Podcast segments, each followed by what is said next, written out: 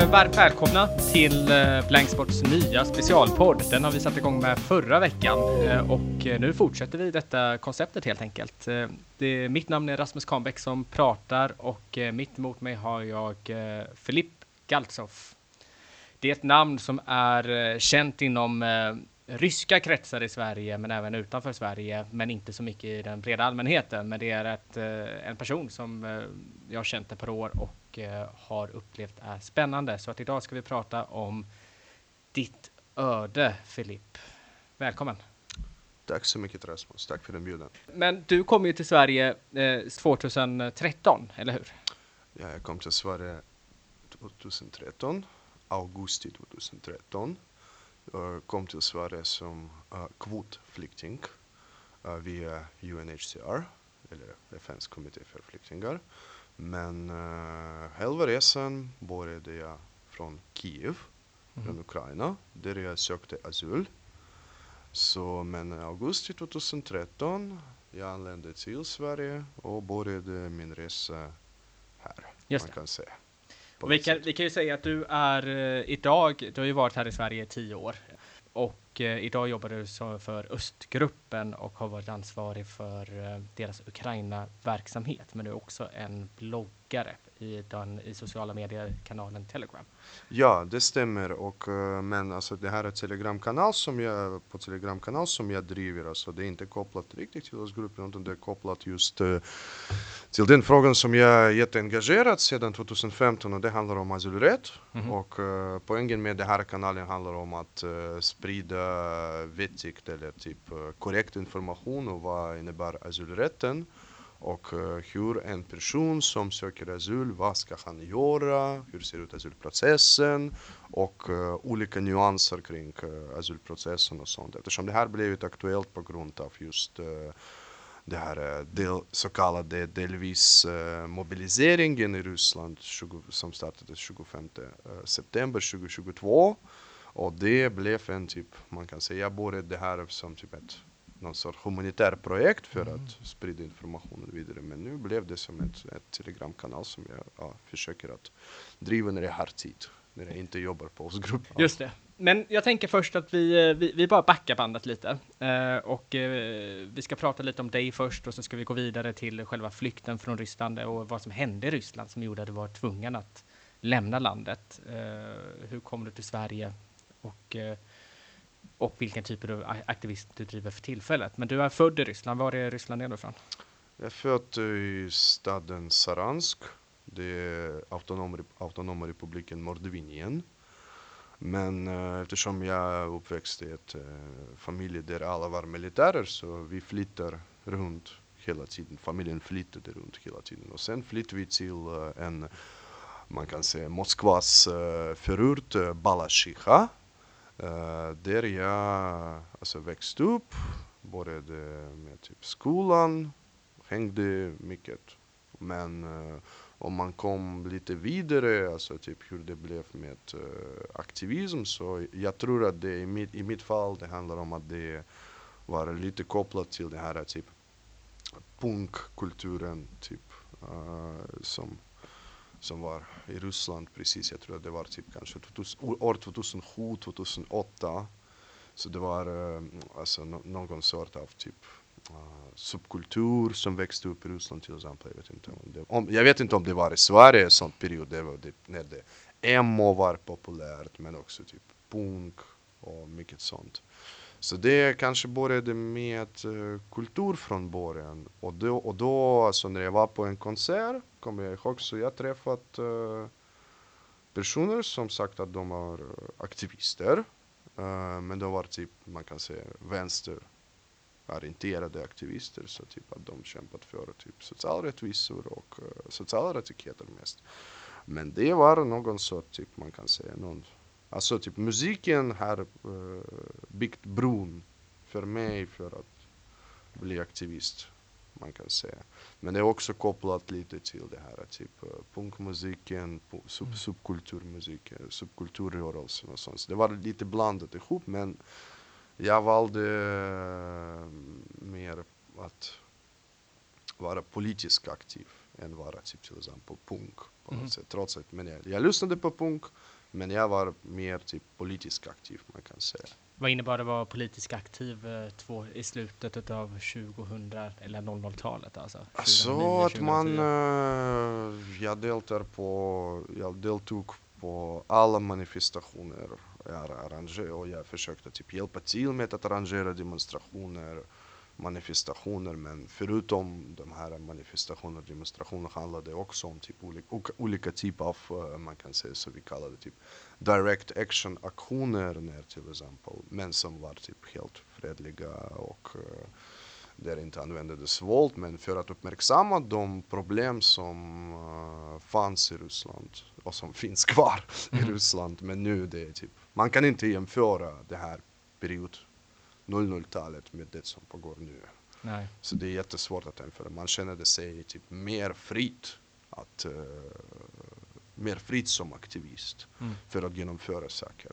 Trots att det var också typ uh, repressioner från polishåll och uh, massa andra saker som man upplevt som är inte trevligt. Mm. Polisen var inte trevligt och uh, myndigheterna, jag kan säga att redan uh, kanske från 2009, 2010, jag har, jag har förstått alltså typ uh, att Alltså om du väljer eh, den här vägen med eh, aktivism då måste du också eh, tänka på vilka risker det innebär för dig personligen.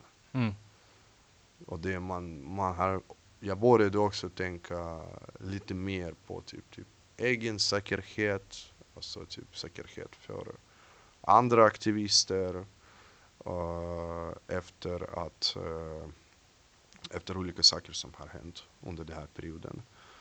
Uh, men ja, Var det så att ni såg liksom en, en, eh, en våldsvåg komma från polisen eller hur, hur, hur uttryckte sig det handlade mest om uh, säkerhetstjänsten, den Mm. ryska säkerhetstjänsten som hade ett intresse Mm.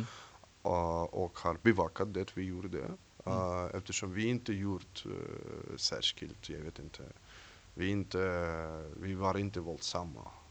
Vi var, vi använde, alltså typ, det, var, det var eh, typ uh, det var en del av aktivister som man kan säga som var mer radikala än vi man kan säga på något sätt. Så, eftersom vår tanke var att, typ, att uppmärksamma saker att, för att till exempel, jag vet inte, frågan som gäller till exempel låga pensioner eller utbildningsreformer i Ryssland för att det skulle få mer uppmärksamhet och även det handlade om demokratiska aktiviteter, mötesfrihet och sådana saker. Mm. Så vårt, uh, alltså, vi, jag, alltså typ det som jag var mest intresserad under den här perioden, det handlade kanske mest alltså typ vilka former av aktivism kan vara mer effektiva under Just den här perioden i Ryssland. Men eh, på tal om eh, alltså typ eh, säkerhetstjänsten och så hur de jobbade. Uh, de använde, alltså till exempel när man greps under en manifestation eller en demonstration så typ jag själv upplevt att de, de använde våld på polisstationer redan 2000 typ eller det var för många år sedan också, typ 2002 eller typ 2003. Men, det, men, det, men, men man, som sagt, man kan inte jämföra eftersom de använde det, där- de där eh, metoder, typ våld, hot, husrannsakan hemma eller de, de bara typ, eh, de kunde ringa dig och bara säga typ att eh, hej hur är läget, alltså, planerar du att gå till en aktion? Eller, eller liknande, liknande saker. Men de, den där repressionen de använde, de använde just mot en grupp av aktivister, mot oppositionen, Mm. den här utomparlamentariska oppositionen. Uh, men det, det var inte så mycket uppmärksamhet kring det under den här perioden.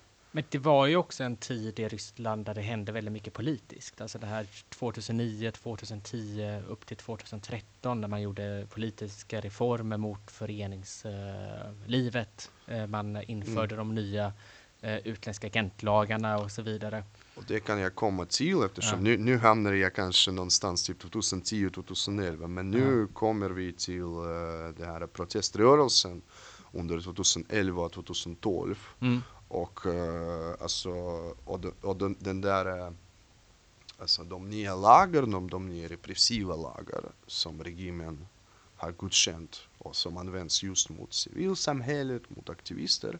Allt uh, jag tycker i så fall, det kanske finns andra åsikter om det rent historiskt, men uh, 6 maj 2012 demonstration, mil, mil, miljon, miljon, uh, miljonmarschen eller om, jag vet inte om man säger korrekt på svenska. Mm. Men för, det var typ som en reaktion på att typ Putin blev vald som president 2012. Och då, och 7 maj planerades uh, ceremonin för att, typ, det här offentliga ceremonin för att Putin skulle få det här uh, presidentmandat igen. Mm. Efter Medvedev hade ja, haft det. Ja, ja, ja. ja. Så typ, och det var 6 maj 2012. Där samlades typ cirka 50 000 personer. Och, men den här demonstrationen uh, avslutades med att uh, man kan, man, jag kan inte säga att det var typ uh, man kan använda ordet kravaller men det är svårt att kalla det kravaller eftersom allt har hänt på grund av att polisen var beredda redan. Mm. Och det verkade som att polisen redan planerat en provokation mot demonstranter som samlades. Och det var cirka 600 personer som greps under den här demonstrationen. Och sen... Eh, och du var där? Och jag var där precis. Eh, och jag var där och typ många mina vänner som var där. Och uh, ganska stor, alltså jättestor del, stor del av mina vänner sen hamnade i fängelse på grund av att de deltog på den här demonstrationen eftersom det så kallade, också kanske lite känt, uh, Bolotnaja-fallet. Mm. Så kallade Bolotnaja-fallet. Uh, det är typ cirka 30, över 30 personer som var åtalade för typ uh, våld mot tjänsteman och deltagandet i masskravaller. Och detta var någonting ganska nytt i Ryssland, att det är så många som blir eh, åtalade? Det, det, var inte nytt faktiskt, skulle jag säga, eftersom uh, år 2007 till exempel, det handlade om en aktion som uh, genomfördes av uh, nationell parti, uh, Eduard Limonov mm. partiet, det så kallades nationalbolsjevikerna, när de, när de ockuperade presidentadministrationen och då det är 30, jag tror att det är över 30 personer som står åtalade för detta. Mm. Och de också alla hamnade i fängelse. Men det var, alltså, typ, det var år 2007. Där det var inte, det, det också inte, de har inte fått också så stor uppmärksamhet 2007. Men 2012 när det handlade om Bolotnaya-fallet, då det blev en stor uppmärksamhet och jag kommer ihåg hur att typ utländska medier skrev om detta och alla bara tänkte att det kanske att det, det blev något stort. Och som reaktion på det, då blev det nya lagar, lagen om utländska agenter, lag, lagarna, ett, ett antal lagar som begränsade mötesfrihet. Och sen det handlade om lagar, äh, eh, lagar som begränsade yttrandefrihet i Ryssland och allt möjligt. Men de satsade på civilsamhället, alltså regimen satsade på civilsamhället för att använda det här repressionen mot civilsamhället mot aktivister och mot oppositionella. Så, men jag tror faktiskt att, eh, och, och, och därför, därför jag säger, jag tror att 6 maj 2012 och allt som hände, det blev mm. ett historiskt datum. Att eh, som typ, eh, då började det här, då blev, då, kommer, då blev det sämre, sämre och sämre i Ryssland. Sen händer Majdan-revolutionen i Ukraina. Mm. Och uh, typ, och, och, jag tror när Putin har förstått att typ Majdan, att typ, aha, nu de alla ryska aktivister som är kvar och, och oppositionella, de kommer ta exempel, för, exempel på att de, eftersom det var ryska aktivister som observerade Majdan, ganska, Majdan-revolutionen i Ukraina ganska noggrant. Mm. Och då jag tänkte också regimen, Putin, Putin och hans anhängare, de började tänka. Alltså det kan bli så att Majdan kommer hända i Ryssland. Och då använde de uh, också repressioner, både mot civilsamhället. Det, kom, det blev flera utländska agenter. Det, uh, det blev också så att uh, typ oppositionen på vänster håll och på höger håll också. Typ, det handlade typ om typ, radikal, Mm. radikal oppositionen. Alltså det blev, uh, alltså typ repressionen, repressionen blev större. Och då mycket pratar vi om att Majdan-revolutionen började höst, senhösten 2013 och avslutades våren 2014. Yes. Eh, precis. Men i det här tid, eh, vid den här tidpunkten hade du redan kommit till Sverige. Jag tänker vi återkommer lite till Majdan och kriget Mm. och så vidare. Eh, för att eh, för 2012, eh, efter 6 maj, efter 6-7 maj 2012, eh, vad gör du då? Fortsätter du eh, din aktivism eller vad händer? Jag har, förs- jag har fortsatt aktivism uh, tills juni. Uh, eftersom uh, alltså Bolotnaja-fallet kopplade, jag tar Bolotnaja-fallet jättepersonligt eftersom alltså först person som greps och blev arresterad, det var min väninna. Mm. Och sen eh, en annan nära vän till mig också blev, greps och blev sen arresterad Mm. och suttit i fängelse tre och ett halvt år. Så typ, jag tror i början av juni jag, jag också fick information att eh, polisen är jätteintresserad. Hur fick du reda på det? Det var typ, vi hade, det, det var typ aktivister som hörde något och hade någon sort, alltså typ, det, det, var, ock- det, var, det var också ett period där man, jag kommer också ihåg att det var, eh, det var en möjlighet att typ att det var typ någon, någon sort typ anonyma källor från polishåll som rapporterade till att aktivister att det, ja, det kan bli så att De kommer- griper det liksom? att de kommer gripa det. Så, så, som jag förstått. Så typ. Men då åkte jag, jag förstått att, typ att nej, det kanske går inte eftersom jag var, jag, kommer, jag var 18-årig. Så typ jag var 18 år gammal. Du är 18 år och får reda på att eh, Säkerhetspolisen letar efter dig helt enkelt? No, inte, jag vet inte exakt, uh, typ, var det Säkerhetspolisen eller var det typ, eftersom 2008 också ett, eh, i 2008 när, när Dmitrij Medvedev kom till makten, det typ först typ president som uppfattades som liberal. Mm. inte, inte, inte heller nu eftersom han typ blev riktigt, så alltså typ, riktig riktigt eh, alltså typ krigshets. Uh, eh, men han också, och, då öppnades, eh, då, uh, då öppnade han uh, ny avdelning inom polisen som, som, kalla, som kallades, och som finns kvar nu i 2023, Centrum mot extremism som jobbade särskilt med aktivister, oppositionella och med mera. Mhm. Så jag tror det kan vara så att de var intresserade till säkerhetspolis, men kanske båda två. Men du, eh, du väljer då att lämna Ryssland? Jag valde att lämna Ryssland, men på tillfälligt. Mm. Eftersom Vart jag, åkte du då? eh, till Minsk, Belarus. Mm. Eh, Jag, hade inte, jag hade bara rysk uh, inrikespass. Mm. Så, Så i Ryssland är det så att man har ett inrikespass och ett utrikespass. Yes, Och, eh, och inrikespasset kan man åka till Belarus med. Yes. Men, eh, och för att kunna åka någon annanstans, eller till många, till eh, Europa och så vidare, behöver man ett utrikespass. Yes, Ja. yes. Uh, nu är det lite ändrades också i 2023 när vi pratar Ja. om det.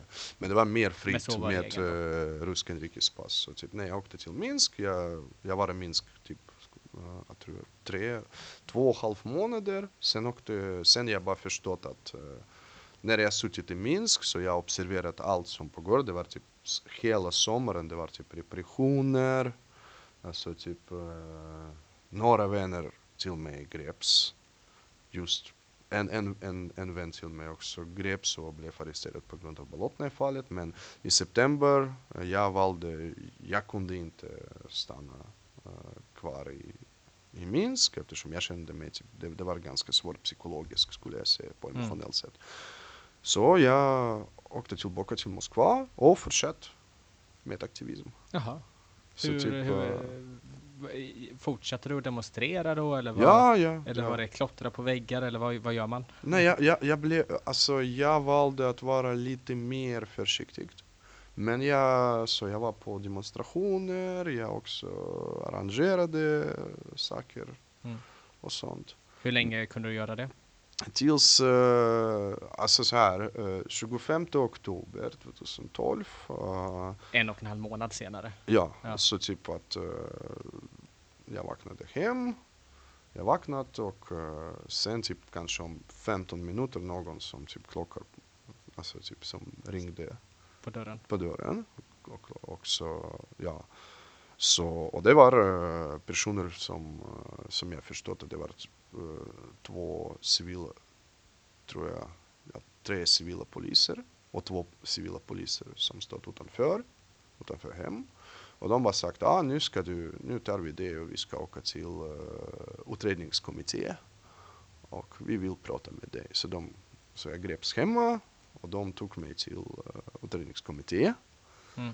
Där uh, de genomförde ett förhör. Under det här förhöret de också använde det våld. Det var hot, våld, uh, allt möjligt. Vilken typ av våld? Ja, typ, uh, jag vet inte hur ska man, de försökte typ sl- slå mig på typ ansiktet och typ och hotade och sånt så typ men och det var och det var det var inte trevligt. ja, så typ om man kan, om man kan eh, säga så. Men så de var jätteintresserade över typ eh, just alla frågorna handlade om 6 maj 2012. Mm. Men mer om de som uh, arrangerade uh, demonstration. Mhm, Så de vill ha ut information Ja, om ja, så alla typ, andra no, till exempel, det, jag kommer ihåg att det var också, de också nämnde typ om Navalny, om Boris Nemtsov, om Sergej Udaltsov, alltså typ allt de kände också. Typ, jag bara, men eh, bra att i ryska konstitutionen finns eh, paragraf eh, 51 som ger dig rätt att inte vittna mot andra personer, eh, inte vittna, vittna inte mot det och inte svara på frågor som jag använde det. Så de blev arga. så de blev arga och sen, eh, typ, och jag har suttit där på förhör kanske typ, ja, jag tror cirka fem timmar, Mm. någonting sånt. Så typ, så det var också perioder så typ. Ibland eh, jag suttit i, i ett rum ensam, sen kommer civilpoliser, försökte hota mig och de spelade det här typ good cop, bad cop, Mhm. alltså typ allt möjligt, alltså typ som, jag vet inte om man, no, jag tror att må, må, många som ser det typ i på, på tv, på tv-serier eller sånt, men det var inte riktigt, det var inte tv-serier faktiskt. Nej. Så, ja, så, och sen, eh, ja, sen eh, åkte vi tillbaka, de tog mig till en bil och vi åkte hem, hemma till mig och de genomförde ett husrannsakan. Och där på husrannsakan, jag också tog, eh, jag också tog del av informationen varför de genomförde husrannsakan och det handlade precis om typ jag hade tänkt att det handlade att de uh, mer intresserade att, eh, om, om just min, mitt närvaro på demonstration och sånt. Men de var mest intresserade vem som arrangerade demonstrationen 6 Mhm. maj. Och det handlade om, typ när jag, när jag tog, eh, alltså när jag läste de handlingar som de gav mig så typ jag har förstått att det, det handlade De inte, vill- de handlade, det handlade inte om mina vänner som redan greps och arresterade. Det handlade om typ, man kan säga typ huvudpersoner Mm. inom oppositionen och, och sånt. Så de genomförde en husrannsakan och sen blev det slut på husrannsakan. Så de tog till min dator, jag vet inte, några böcker, uh, alltså typ telefon. Och det, och det var allt som Mm. de tog. Och sen under, och sen jag, jag under husrannsakan, jag väntat, okej, så vad kommer att hända vidare? Kommer jag gripas och kommer bli arresterad? Eller vad kommer att hända? Och det var lite oro, jag hade lite oro Mm. över det. Mm, Men jag också, samtidigt som jag var beredd, jag tänkte, ah, nu det måste man fokusera på, alltså typ, vad, vad kommer, att det kanske kommer hända, du kommer, bli, du kommer, kommer sitta i fängelse. Men det blev inte, utan eh, det här utredaren har sagt att, eh, när jag undrade, alltså typ, okej, okay, men eh, vad har jag för status inom det här brottmålet? De har sagt, ah, du har inga status nu. Så det var svårt för mig att förstå, är jag vittne Mm eller är jag misstänkt? Precis, och de hade inte berättat det. De har inte berättat. Uh, Men, men, men eh, i, i den här stunden, sen, sen åker de eller? sen åkte de. Ja. Och, och, du, eh, och du sitter hemma den 25 oktober 2012 och funderar på vad du ska göra. Jag sitter hemma funderar och bara försöker, bara en sak som jag kom på, ja, jag kanske måste vara lite mer försiktig. Ja. Typ, men jag har fortsatt Hur länge håller du på? Tills, januari, tills eh, 20 januari. Mm. Tills 20 januari. Så typ, men jag var lite mer försiktig. Vad händer 20 januari? Uh, det, det har hänt lite tidigare eftersom jag också fick jag också fick veta varför de kom just till mig Mm. eftersom det var lite, också lite intressant. Uh, och det handlade om att den 12 oktober 2012 uh, var det nyheterna om en person som också var den 6 maj. Mm. Han, försök, han tog, sig till Ukraina och, sö, och försökte att söka asyl där Mhm. i Ukraina. Men han blev kidnappad i Ukraina och de körde honom till Ryssland. Och han eh, gav en stor vittnesmål där han bland annat nämnde mig som person som arrangerade, som var, eh, inte, som var bland med arrangörerna Mhm. av det här, typ kravaller. Om man kan säga, som sagt, som jag, jag, jag, det är svårt för mig att kalla det kravaller. Mm. Jag kan inte säga det kravaller, det var kravallerna juridisk.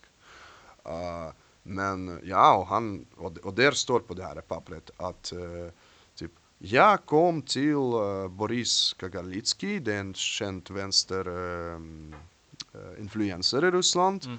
Och uh, tillsammans med honom vi gick till, uh, uh, vi gick till anarkister. Och vi träffade där Filip Galtsov.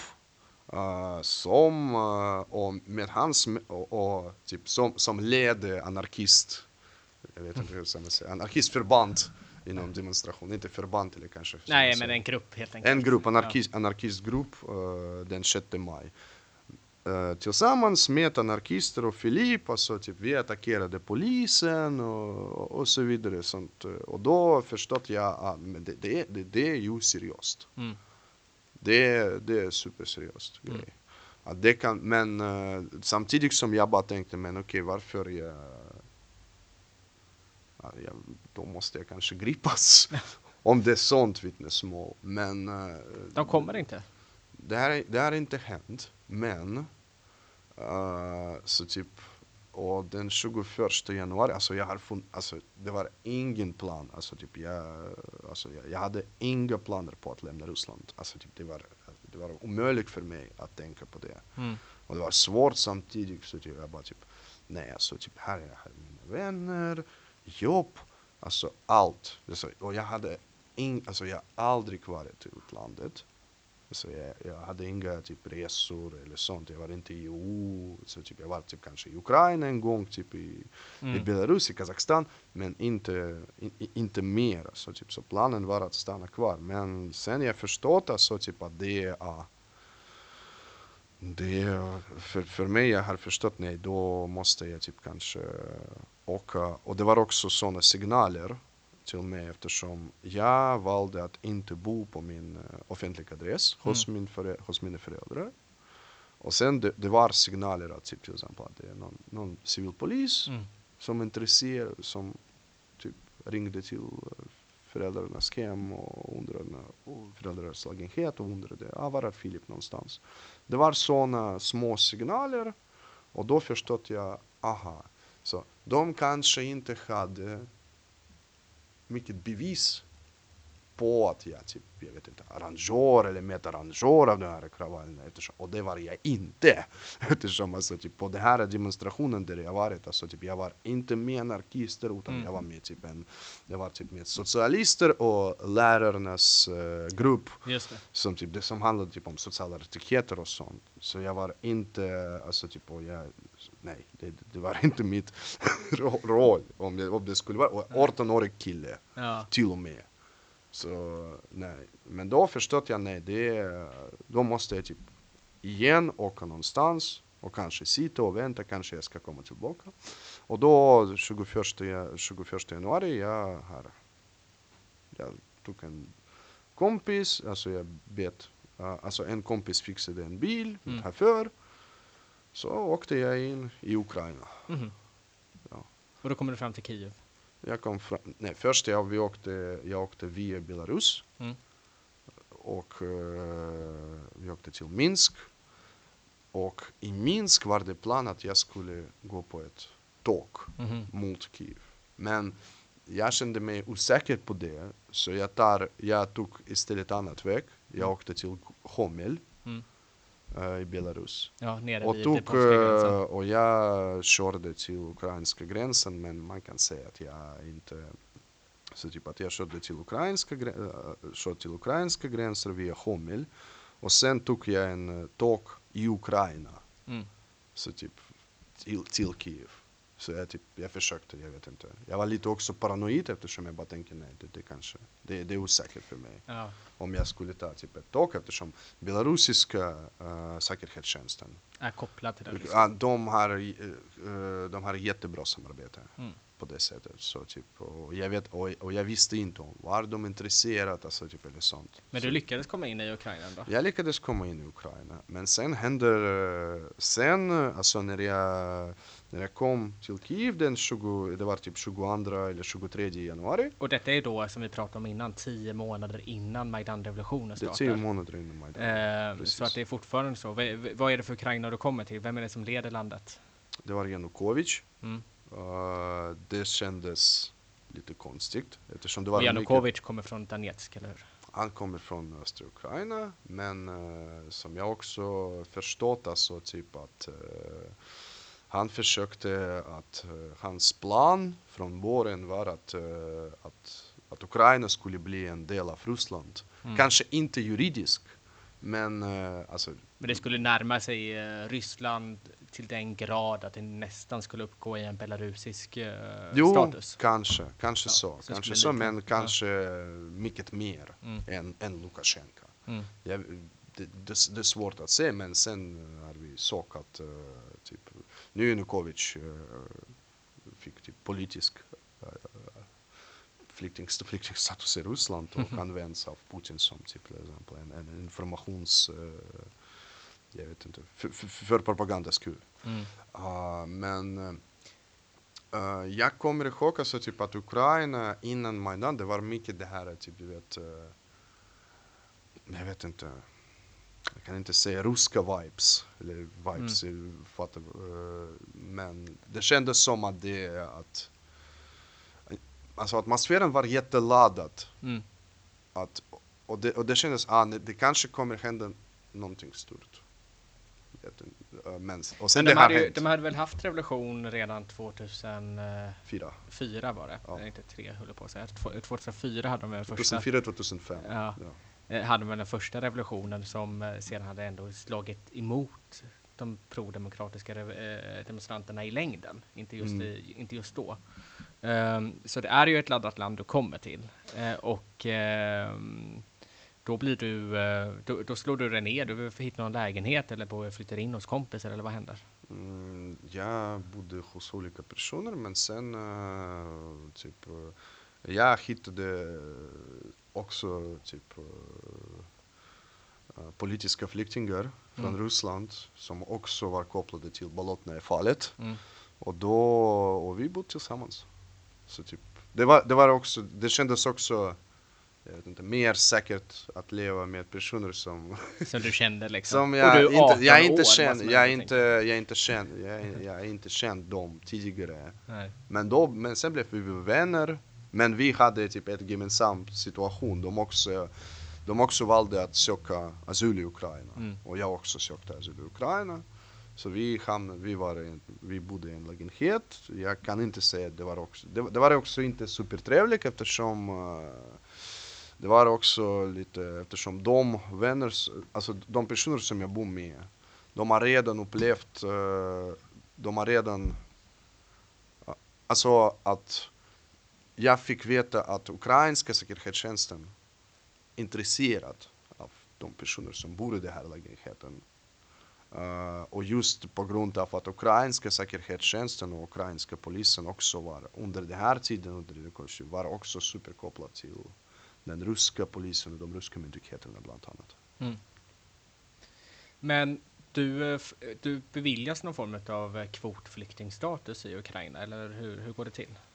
Uh, det var lite svårt uh, eftersom först man först ansökte jag om asyl. Men jag har också varit i kontakt med FNs uh, flyktingorgan Mm. i Ukraina. Och, eh, UNHCR. UNHCR. Ja, och eh, jag också sökte uh, flyktingstatus hos FN, man kan Mm. säga. Men det tog tid. Eh, Det, det, det, var, det, var, eh, alltså, det, var, det var inte, eh, man kan säga, alltså, det, det, det, var- det, var, det var lite jobbigt också eftersom jag var på, jag tror jag var på sex eller sju intervju Mm. på FN samtidigt som jag var på två intervju på ukrainska migrationsverket. Mhm. Men jag också eh, fick massa hjälp av lokala ukrainska människorättsförsvarare, bland annat, jag vill nämna Maxim Butkevich, Mhm. som är eh, nu tillfångatagen av eh, ryska trupper och sitter i ett häkte. Jaha, så han, eh, han är soldat? Han, han- han, blev, så, han blev ukrainsk soldat, men han är mer, eh, men så, han var den person som hjälpte alla politiska flyktingar i Ukraina och var jätteengagerad inom det och hjälpte massa människor, bland annat han hjälpte mig. Mm. Så, och, eh, men, så, men problemet som, det som har hänt också att jag tror någonstans i juni 2013 en journalist, en rysk uh, känd journalist, han eh, kontaktade min väninna som också sökte asyl på, på grund av Bolotnaja-fallet i Ukraina. Mm. Och, och han har sagt att enligt hans källor att, eh, att samma personer som kidnappat det här Leonid Razvajaev Mhm. eh, som gav det här stora vittnesmål där han nämnde mig att de åker igen och de är jätteintresserade att hämta mig från Ukraina. Och, eh, och jag tror någonstans, ja, det var, i, det var i maj, i maj 2013 så, så jag kontaktade FNs flyktingorgan, har vidarebefordrat det här skärmklippet som jag hade Mm. med det här meddelandet av journalisten till dem. Och sen de valde att de bara ringde mig och sagt Filip, du ska, nu ska du bo hos oss på vår kontor. Så som... eh, Så här- du blir inneboende på UNHCRs kontor i Kiev? Yes, yes. Så jag bodde där. Och, eh, och det var precis det som är också intressant när man kollar på nyheterna och sånt. Det var på Kiev och Pechorska Lavra, alltså Mm. det här är typ eh, De stora, här stora klostret? Ja, stor, stora klostret.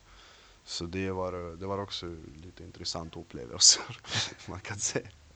Av, av eh, religiösa personer, Ja. religiösa Så, så samtidigt som du bor på det här kontoret så söker säkerhetstjänsten efter dig, den ryska säkerhetstjänsten? Nej, jag vet inte om det var ryska, kanske också de har, eh, kanske de också sökte mig. Mm. Men det som jag vet, alltså, det var ukrainska säkerhetstjänsten som var mer intresserad. Mhm. De uh, bevakade den här byggnaden. Mm. Det var ett, eh, en bil som står där kanske typ dygnet runt. Du, lär, du lärde mig ett ord en gång, eh, protokoll Nigalod. Uh, Protokollное лицо. Ja, лицо, inte- inte kalor betyder huvud. protokollansiktet. Ja, precis. Så att man, eh, det är som ett ord där man kan eh, typ se att det här, är- det här är person inte, inte riktigt civil person utan det, är- Ja. den personen jobbar i polisen. Och han har det här typ ansiktet som man kan inte glö- nu, som man ser att det, ah, det är något något typ som, som påminner lite om prot protokoll, alltså jätte, jätteoffentligt, jätteoffentligt Ja. ansiktet man kan Och säga. registrera allt som han ser liksom. Ja, ja, och han kollar på dig inte, och, du, och hans blick är inte trevlig. Nej, nej, nej, precis. Ja. Ja, och du ser att, den här, att det är flera sådana utanför kontoret. I- nej, de suttit, de, de suttit på en bil, Ja. men det som var kanske, alltså jag också, alltså du vet, jag, eftersom jag var, jag var 19 år under det här perioden, jag, jag måste säga att typ, jag, jag var inte superduktig också. Så någon gång, alltså, typ, jag vet, det, var, det var lite svårt psykologiskt eftersom eh, i det här uh, FNs kontor, mm, så det, var, det var en liten rum, Nej, utan dusch, utan alltså typ, nej, Mhm. det, var, det, det var inte kul där eftersom alltså typ jag, eh, för, för att ta duschen så jag gick på ett, det här klostret. Ja, ja, Och det var en snäll, eh, jag tror det var någon snäll, Munk. ja, ja som, som gav mig det här möjligheten att duscha lite, men det var typ en gång i veckan tror jag. Så, ja, eh, men eh, man kände sig också svårt psykologiskt som man är isolerad. Eh, Men sen, sen valde jag att jag bara typ kände mig svårt psykologiskt och bara, nej det kanske, alltså, det kanske gått över, alltså, typ, de kanske inte söker mig, alltså Mm. typ polisen. Så, så jag bara sagt till eh, FN, nu ska jag åka hem. Till Ryssland? Nej, Nej, till, eh, till, ja. Nej, eh, jag ska, jag ska åka hem. Och det var fel. Det var fel av mig. Eftersom jag greps Mhm. av eh, polisen. Efter fem minuter när jag lämnade. Och då hamnade jag på ett lokalpoliskontor någonstans i Kiev. Och sen eh, så typ, men bara på grund av eh, FNs tjänstemannen, eh, tjänstemännen och kanske, jag vet inte vem som var involverad i den här processen men de, de hjälpte till att jag, och då blev jag, typ, då släpps fri från den här lokalpolisstationen. Men de bara sagt, du ska inte, nej Filip, du. Alltså vi har tappat mycket tid för att, typ, att, för Mm. att de skulle, för att du skulle bli fri Mm. och inte hamnade i lokalpolisstationen eller någonstans typ i häktet.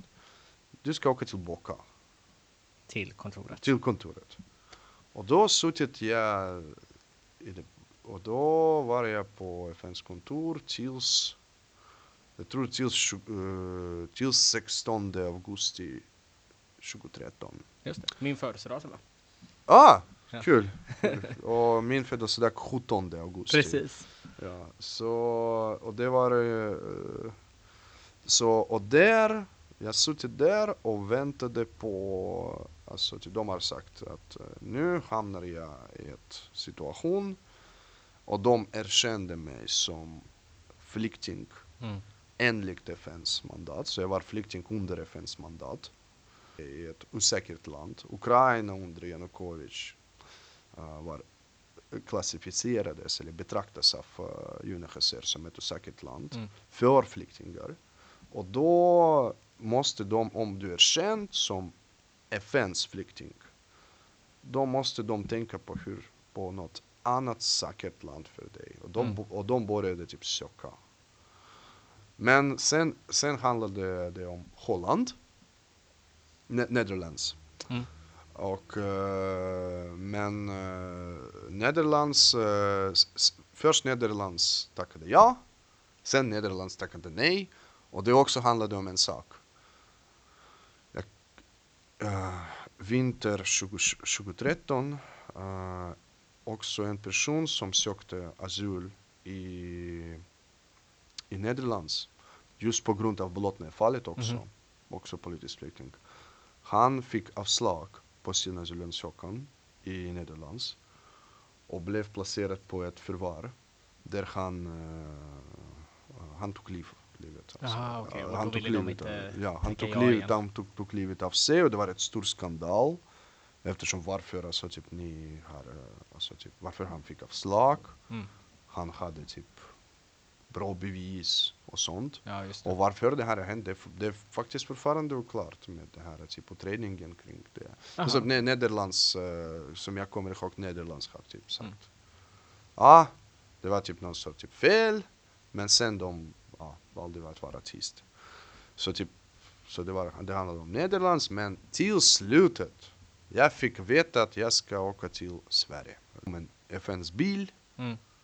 Eh, med Körde dig till flygplatsen. körde mig till flygplatsen men där blev, uh, där jag också hade, där också var, förutom FNs tjänstemän, det var också en person från International, International Organization for Migration, Mm. uh, MOM, is, uh, ja.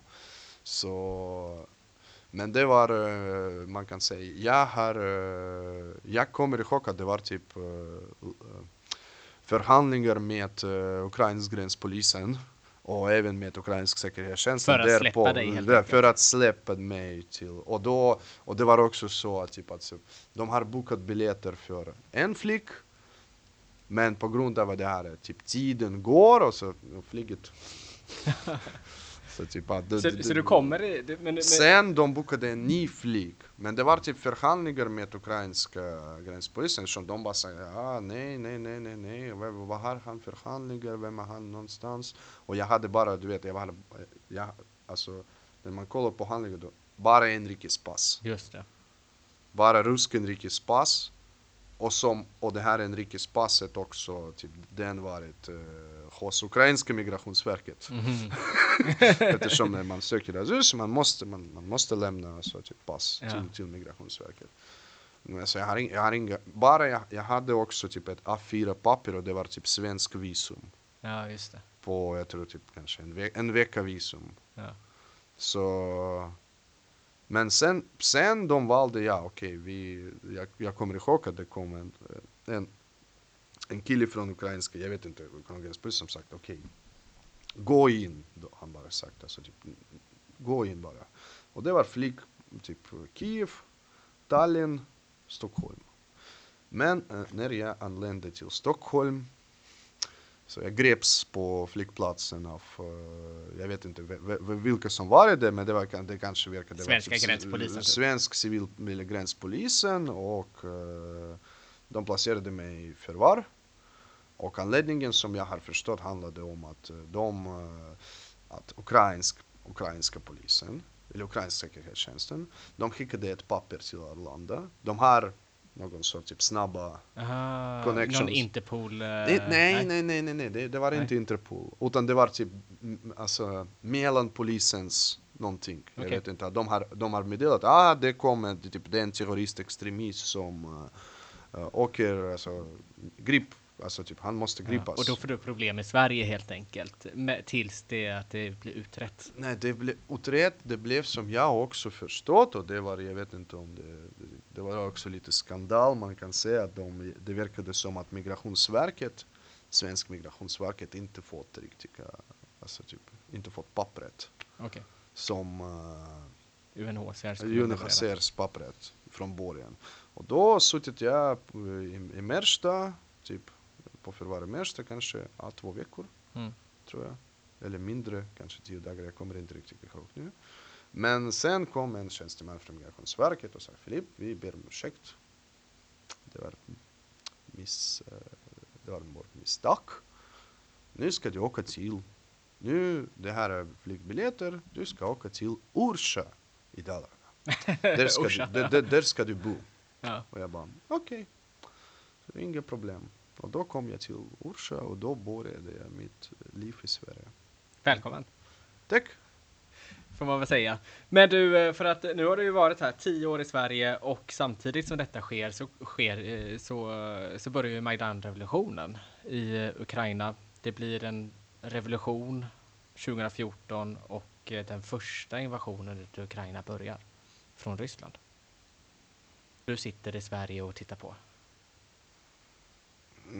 Jag valde att stötta Majdan-revolutionen helt enkelt. Så det var inga frågor för mig. Det var inget, inte, det var inget typ frågan. Nej. Jag bara förstått alltså, typ, det, var, det var också typ, mina ukrainska vänner var där. Och jag valde dem att stötta på något sätt. Så, vi, så jag försökte att typ, sprida information här.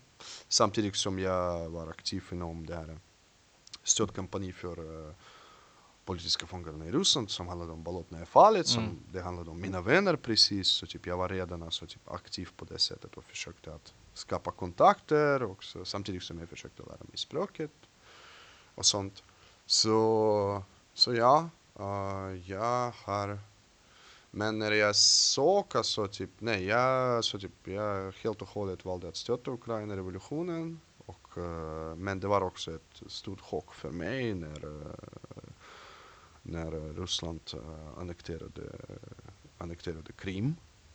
Och där jag hade också många vänner, mm. också som typ krimtatarier till exempel, krimtatarer och uh, också aktivister från Krim, typ vänsteraktivister, typ demokratiska aktivister och sånt. Så det var också ett chock, men så mina tankar baserade på att det Ah, jag måste också säga att jag, jag har tänkt väldigt mycket hur jag kan ta mig till Ukraina. Mm. Nu? Ah, under 2013, 2000, nu precis när revolutionen startade så det var också typ sånt. Jag var ung och jag bara tänkte nej, nej, varför, varför? Jag skulle jättegärna typ vilja få typ politisk flyktingstatus i Ukraina och inte bo i Sverige och typ, och typ, typ delta i revolutionen eller någonting. Så typ att uh, jag kan säga typ, typ jo, det, det, gått, det har gått typ tio år men jag fortfarande tänker att ah, det kanske vore, vore, vore kul att få typ politisk flyktingstatus i Ukraina och kanske delta i, i de här protester och vidare på något sätt. Jag vet inte vad Men du har ju ändå fortsatt här. Du har ändå, nu har du bott i Sverige i tio år och eh, du har ändå fortsatt med att jobba med det ryska civilsamhället. Du har fortsatt med att jobba med det ukrainska civilsamhället, det belarusiska eh, när du är i Sverige. Hur kommer det sig? Men uh, det här, nej, det, det här varit bara, alltså jag, jag är inte, du vet, jag, jag, jag, kan, jag kan inte säga att det var ett plan att jobba med det här.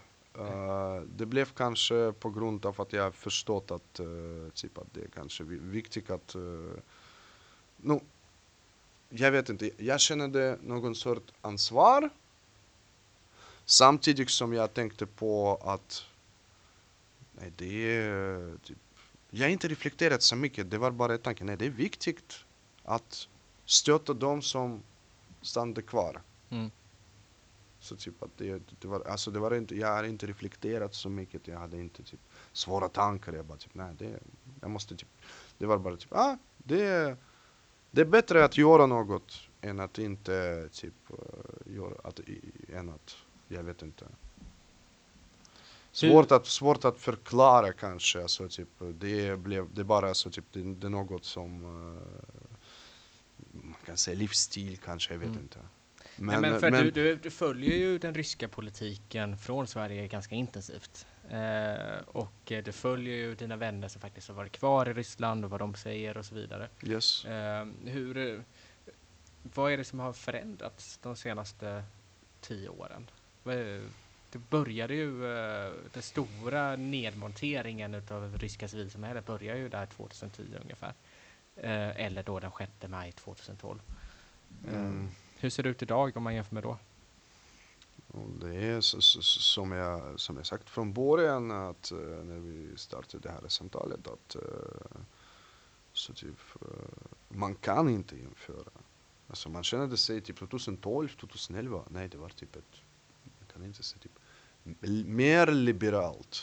Det fanns en känsla utan man kunde påverka fortfarande kanske? Det, det, det, det, var ett, det, det fanns en känsla att man kan påverka, det fanns en känsla att man kan typ organisera eh, och eh, typ att, skapa, att göra ett riktig förändring, att, eh, att kanske Ryssland kommer bli en eh, demokrati och eh, sånt. Det var sådana tankar men nu så typ att eh, nu är det jättesvårt, alltså typ efter tio år alltså nu hamnar vi i en situation där vi ser alltså typ, äh, typ ett, fusk, ett krig mot äh, Ukraina Uh, vi ser alltså typ, uh, och jag ser eftersom jag har kontakt med uh, typ det ryska civils, representanter från det ryska civilsamhället, ukrainska civilsamhället och så jag vill inte gå på detaljer, alltså känslor kring eh, typ eh, men jag kan bara säga att eh,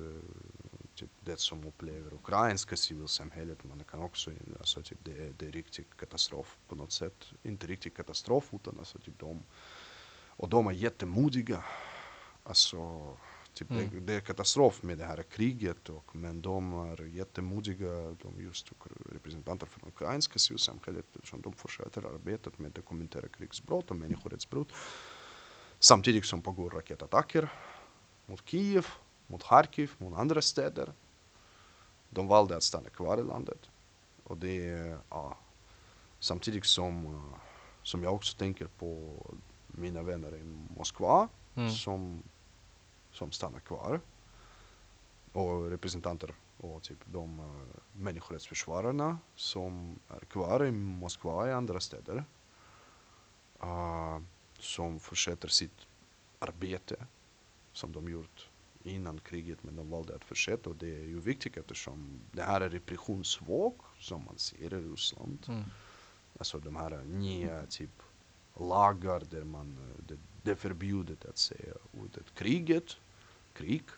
Men Evgenij Prigozjin från typ Wagnergruppen kan säga så, men inte typ om du, om du är från oppositionen eller, eller sånt. Nej, det, och man ser, alltså typ det är svårt att följa också det här nyhetsflödet. Mm. Jag försöker, typ, det, typ, men jag gör det automatiskt. Det, typ, men du har ju under, eh, jag träffade ju dig den eh, 4 februari 2022 när du eh, kallade till stor manifestation tillsammans med Östgruppen och några andra föreningar. Eh, och eh, det var ju den första som var ute och försökte samla krafterna på något vis. Eh, och sen har det fortsatt att jobba med Ukraina som östgruppens ansvariga för Ukraina. Hur, hur, har, hur har det fungerat? Hur, hur är det att vara etnisk rysk i ett sånt läge? Jag vet inte hur det upplever folk i Ukraina, men mina vänner i Ukraina, de, jag tror de fokuserar inte på mitt ursprung. De Nej. fokuserar på, på handlingar kanske. Ja. Så typ jag har inget, no, jag själv har inte Alltså, jag, jag själv, alltså, typ, du vet, jag också, så, typ, jag typ rent ideologiskt, jag är anarkist. Så typ jag, jag bryr mig inte så mycket om det här nationaliteter, etniciteter och sånt. Så typ jag tror alltså typ det handlar om uh, mänskliga relationer. Mm. Så typ, uh, jag vet inte, det finns folk som uh, Ja, det, man ser alltså, det finns, det, ja det blev så på grund av krig, på grund av kriget. Och, så typ, men nej, jag, jag hade inga, alltså jag, inte, jag hade inga sådana problem. Och uh, eftersom mina vänner i Ukraina, de känner till mig. Mm. Jag känner till dem. Jag vet vilka de är. Uh, de vet vad jag tycker. Och jag vet vad de, vad, och jag känner till dem också. Så, och det är samma, de, handlar, de, de förstår också, de är inte alltså typ, uh, de förstår också alltså typ att jag, ja de vet att jag är från Ryssland. Jag bor i Sverige i tio år. Men uh, de vet alltså typ uh, för vad jag står för och, ja. och de vet alltså typ att Ja, du vet alltså typ, ja precis, jag arrangerade, alltså typ jag var en arrangör för den här demonstrationen men du vet alltså typ jag också försökte att inte, jag, jag tycker inte om visa min ansikte så mycket. No, alltså typ jag bara försöker att ge möjlighet för folk att typ kanske säga så, inte, du mm. vet. Uh, inte typ visa min ansikte överallt jag bara försökte att fokusera på något så typ konkret handling. Så typ att jag tror att uh, typ mina, Ukra mina vänner från Ukraina, ukrainare som bor här i Sverige, mm. så, som också jag känner till, känner till dem. Alltså typ, nej, det, det handlar om mänskliga relationer, vilket människa du är, jag vet inte, någonting sånt. Kanske finns personer som har upplevt inte bra, men man, man, jag tror man också måste förstå varför. Så man måste tänka kanske lite rationellt och analysera det här. Så typ att varför, alltså typ det kanske finns någon sort, jag vet inte, hets. Det är på grund av kriget fortsätter och det, fortsätter, och det blev ännu värre och efter Butja och allt som har hänt. Mm. Så om man är inte, alltså typ, jag tror att uh, till exempel när jag insåg när, när, när jag läste nyheterna om Butja, om Mariupol, fruktansvärt. Samtidigt som det, det här på något sätt, eh, jag vet inte om man får säga så, jag hoppas att jag kommer inte bli cancellad, men det här har motiverat mig att jobba vidare.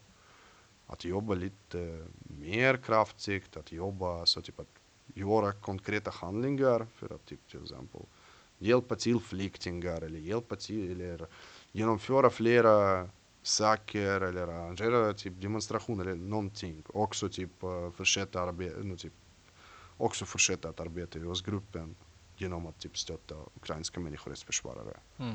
och ukrainska människorättsrörelsen och civilsamhället. Det finns, det, jag, jag tror alltså typ det handlar om vilket, uh, alltså typ jag har sånt tanke i huvudet, alltså jag, jag tänker på sånt sätt. Jag kan inte, alltså typ det, typ, det är ju så. Bra! Jag tror att det blir det sista vi säger. Och jag ska väl säga att vi på Blanksportet är vår andra specialpodd som vi har gjort och eh, vi gör det med stöd av prenumeranter och de som skänker pengar till oss. Så att uh, gå gärna in på blankspot.se och uh, bli prenumerant för vi ska kunna fortsätta göra vår journalistik. Tack för Tack själv Rasmus.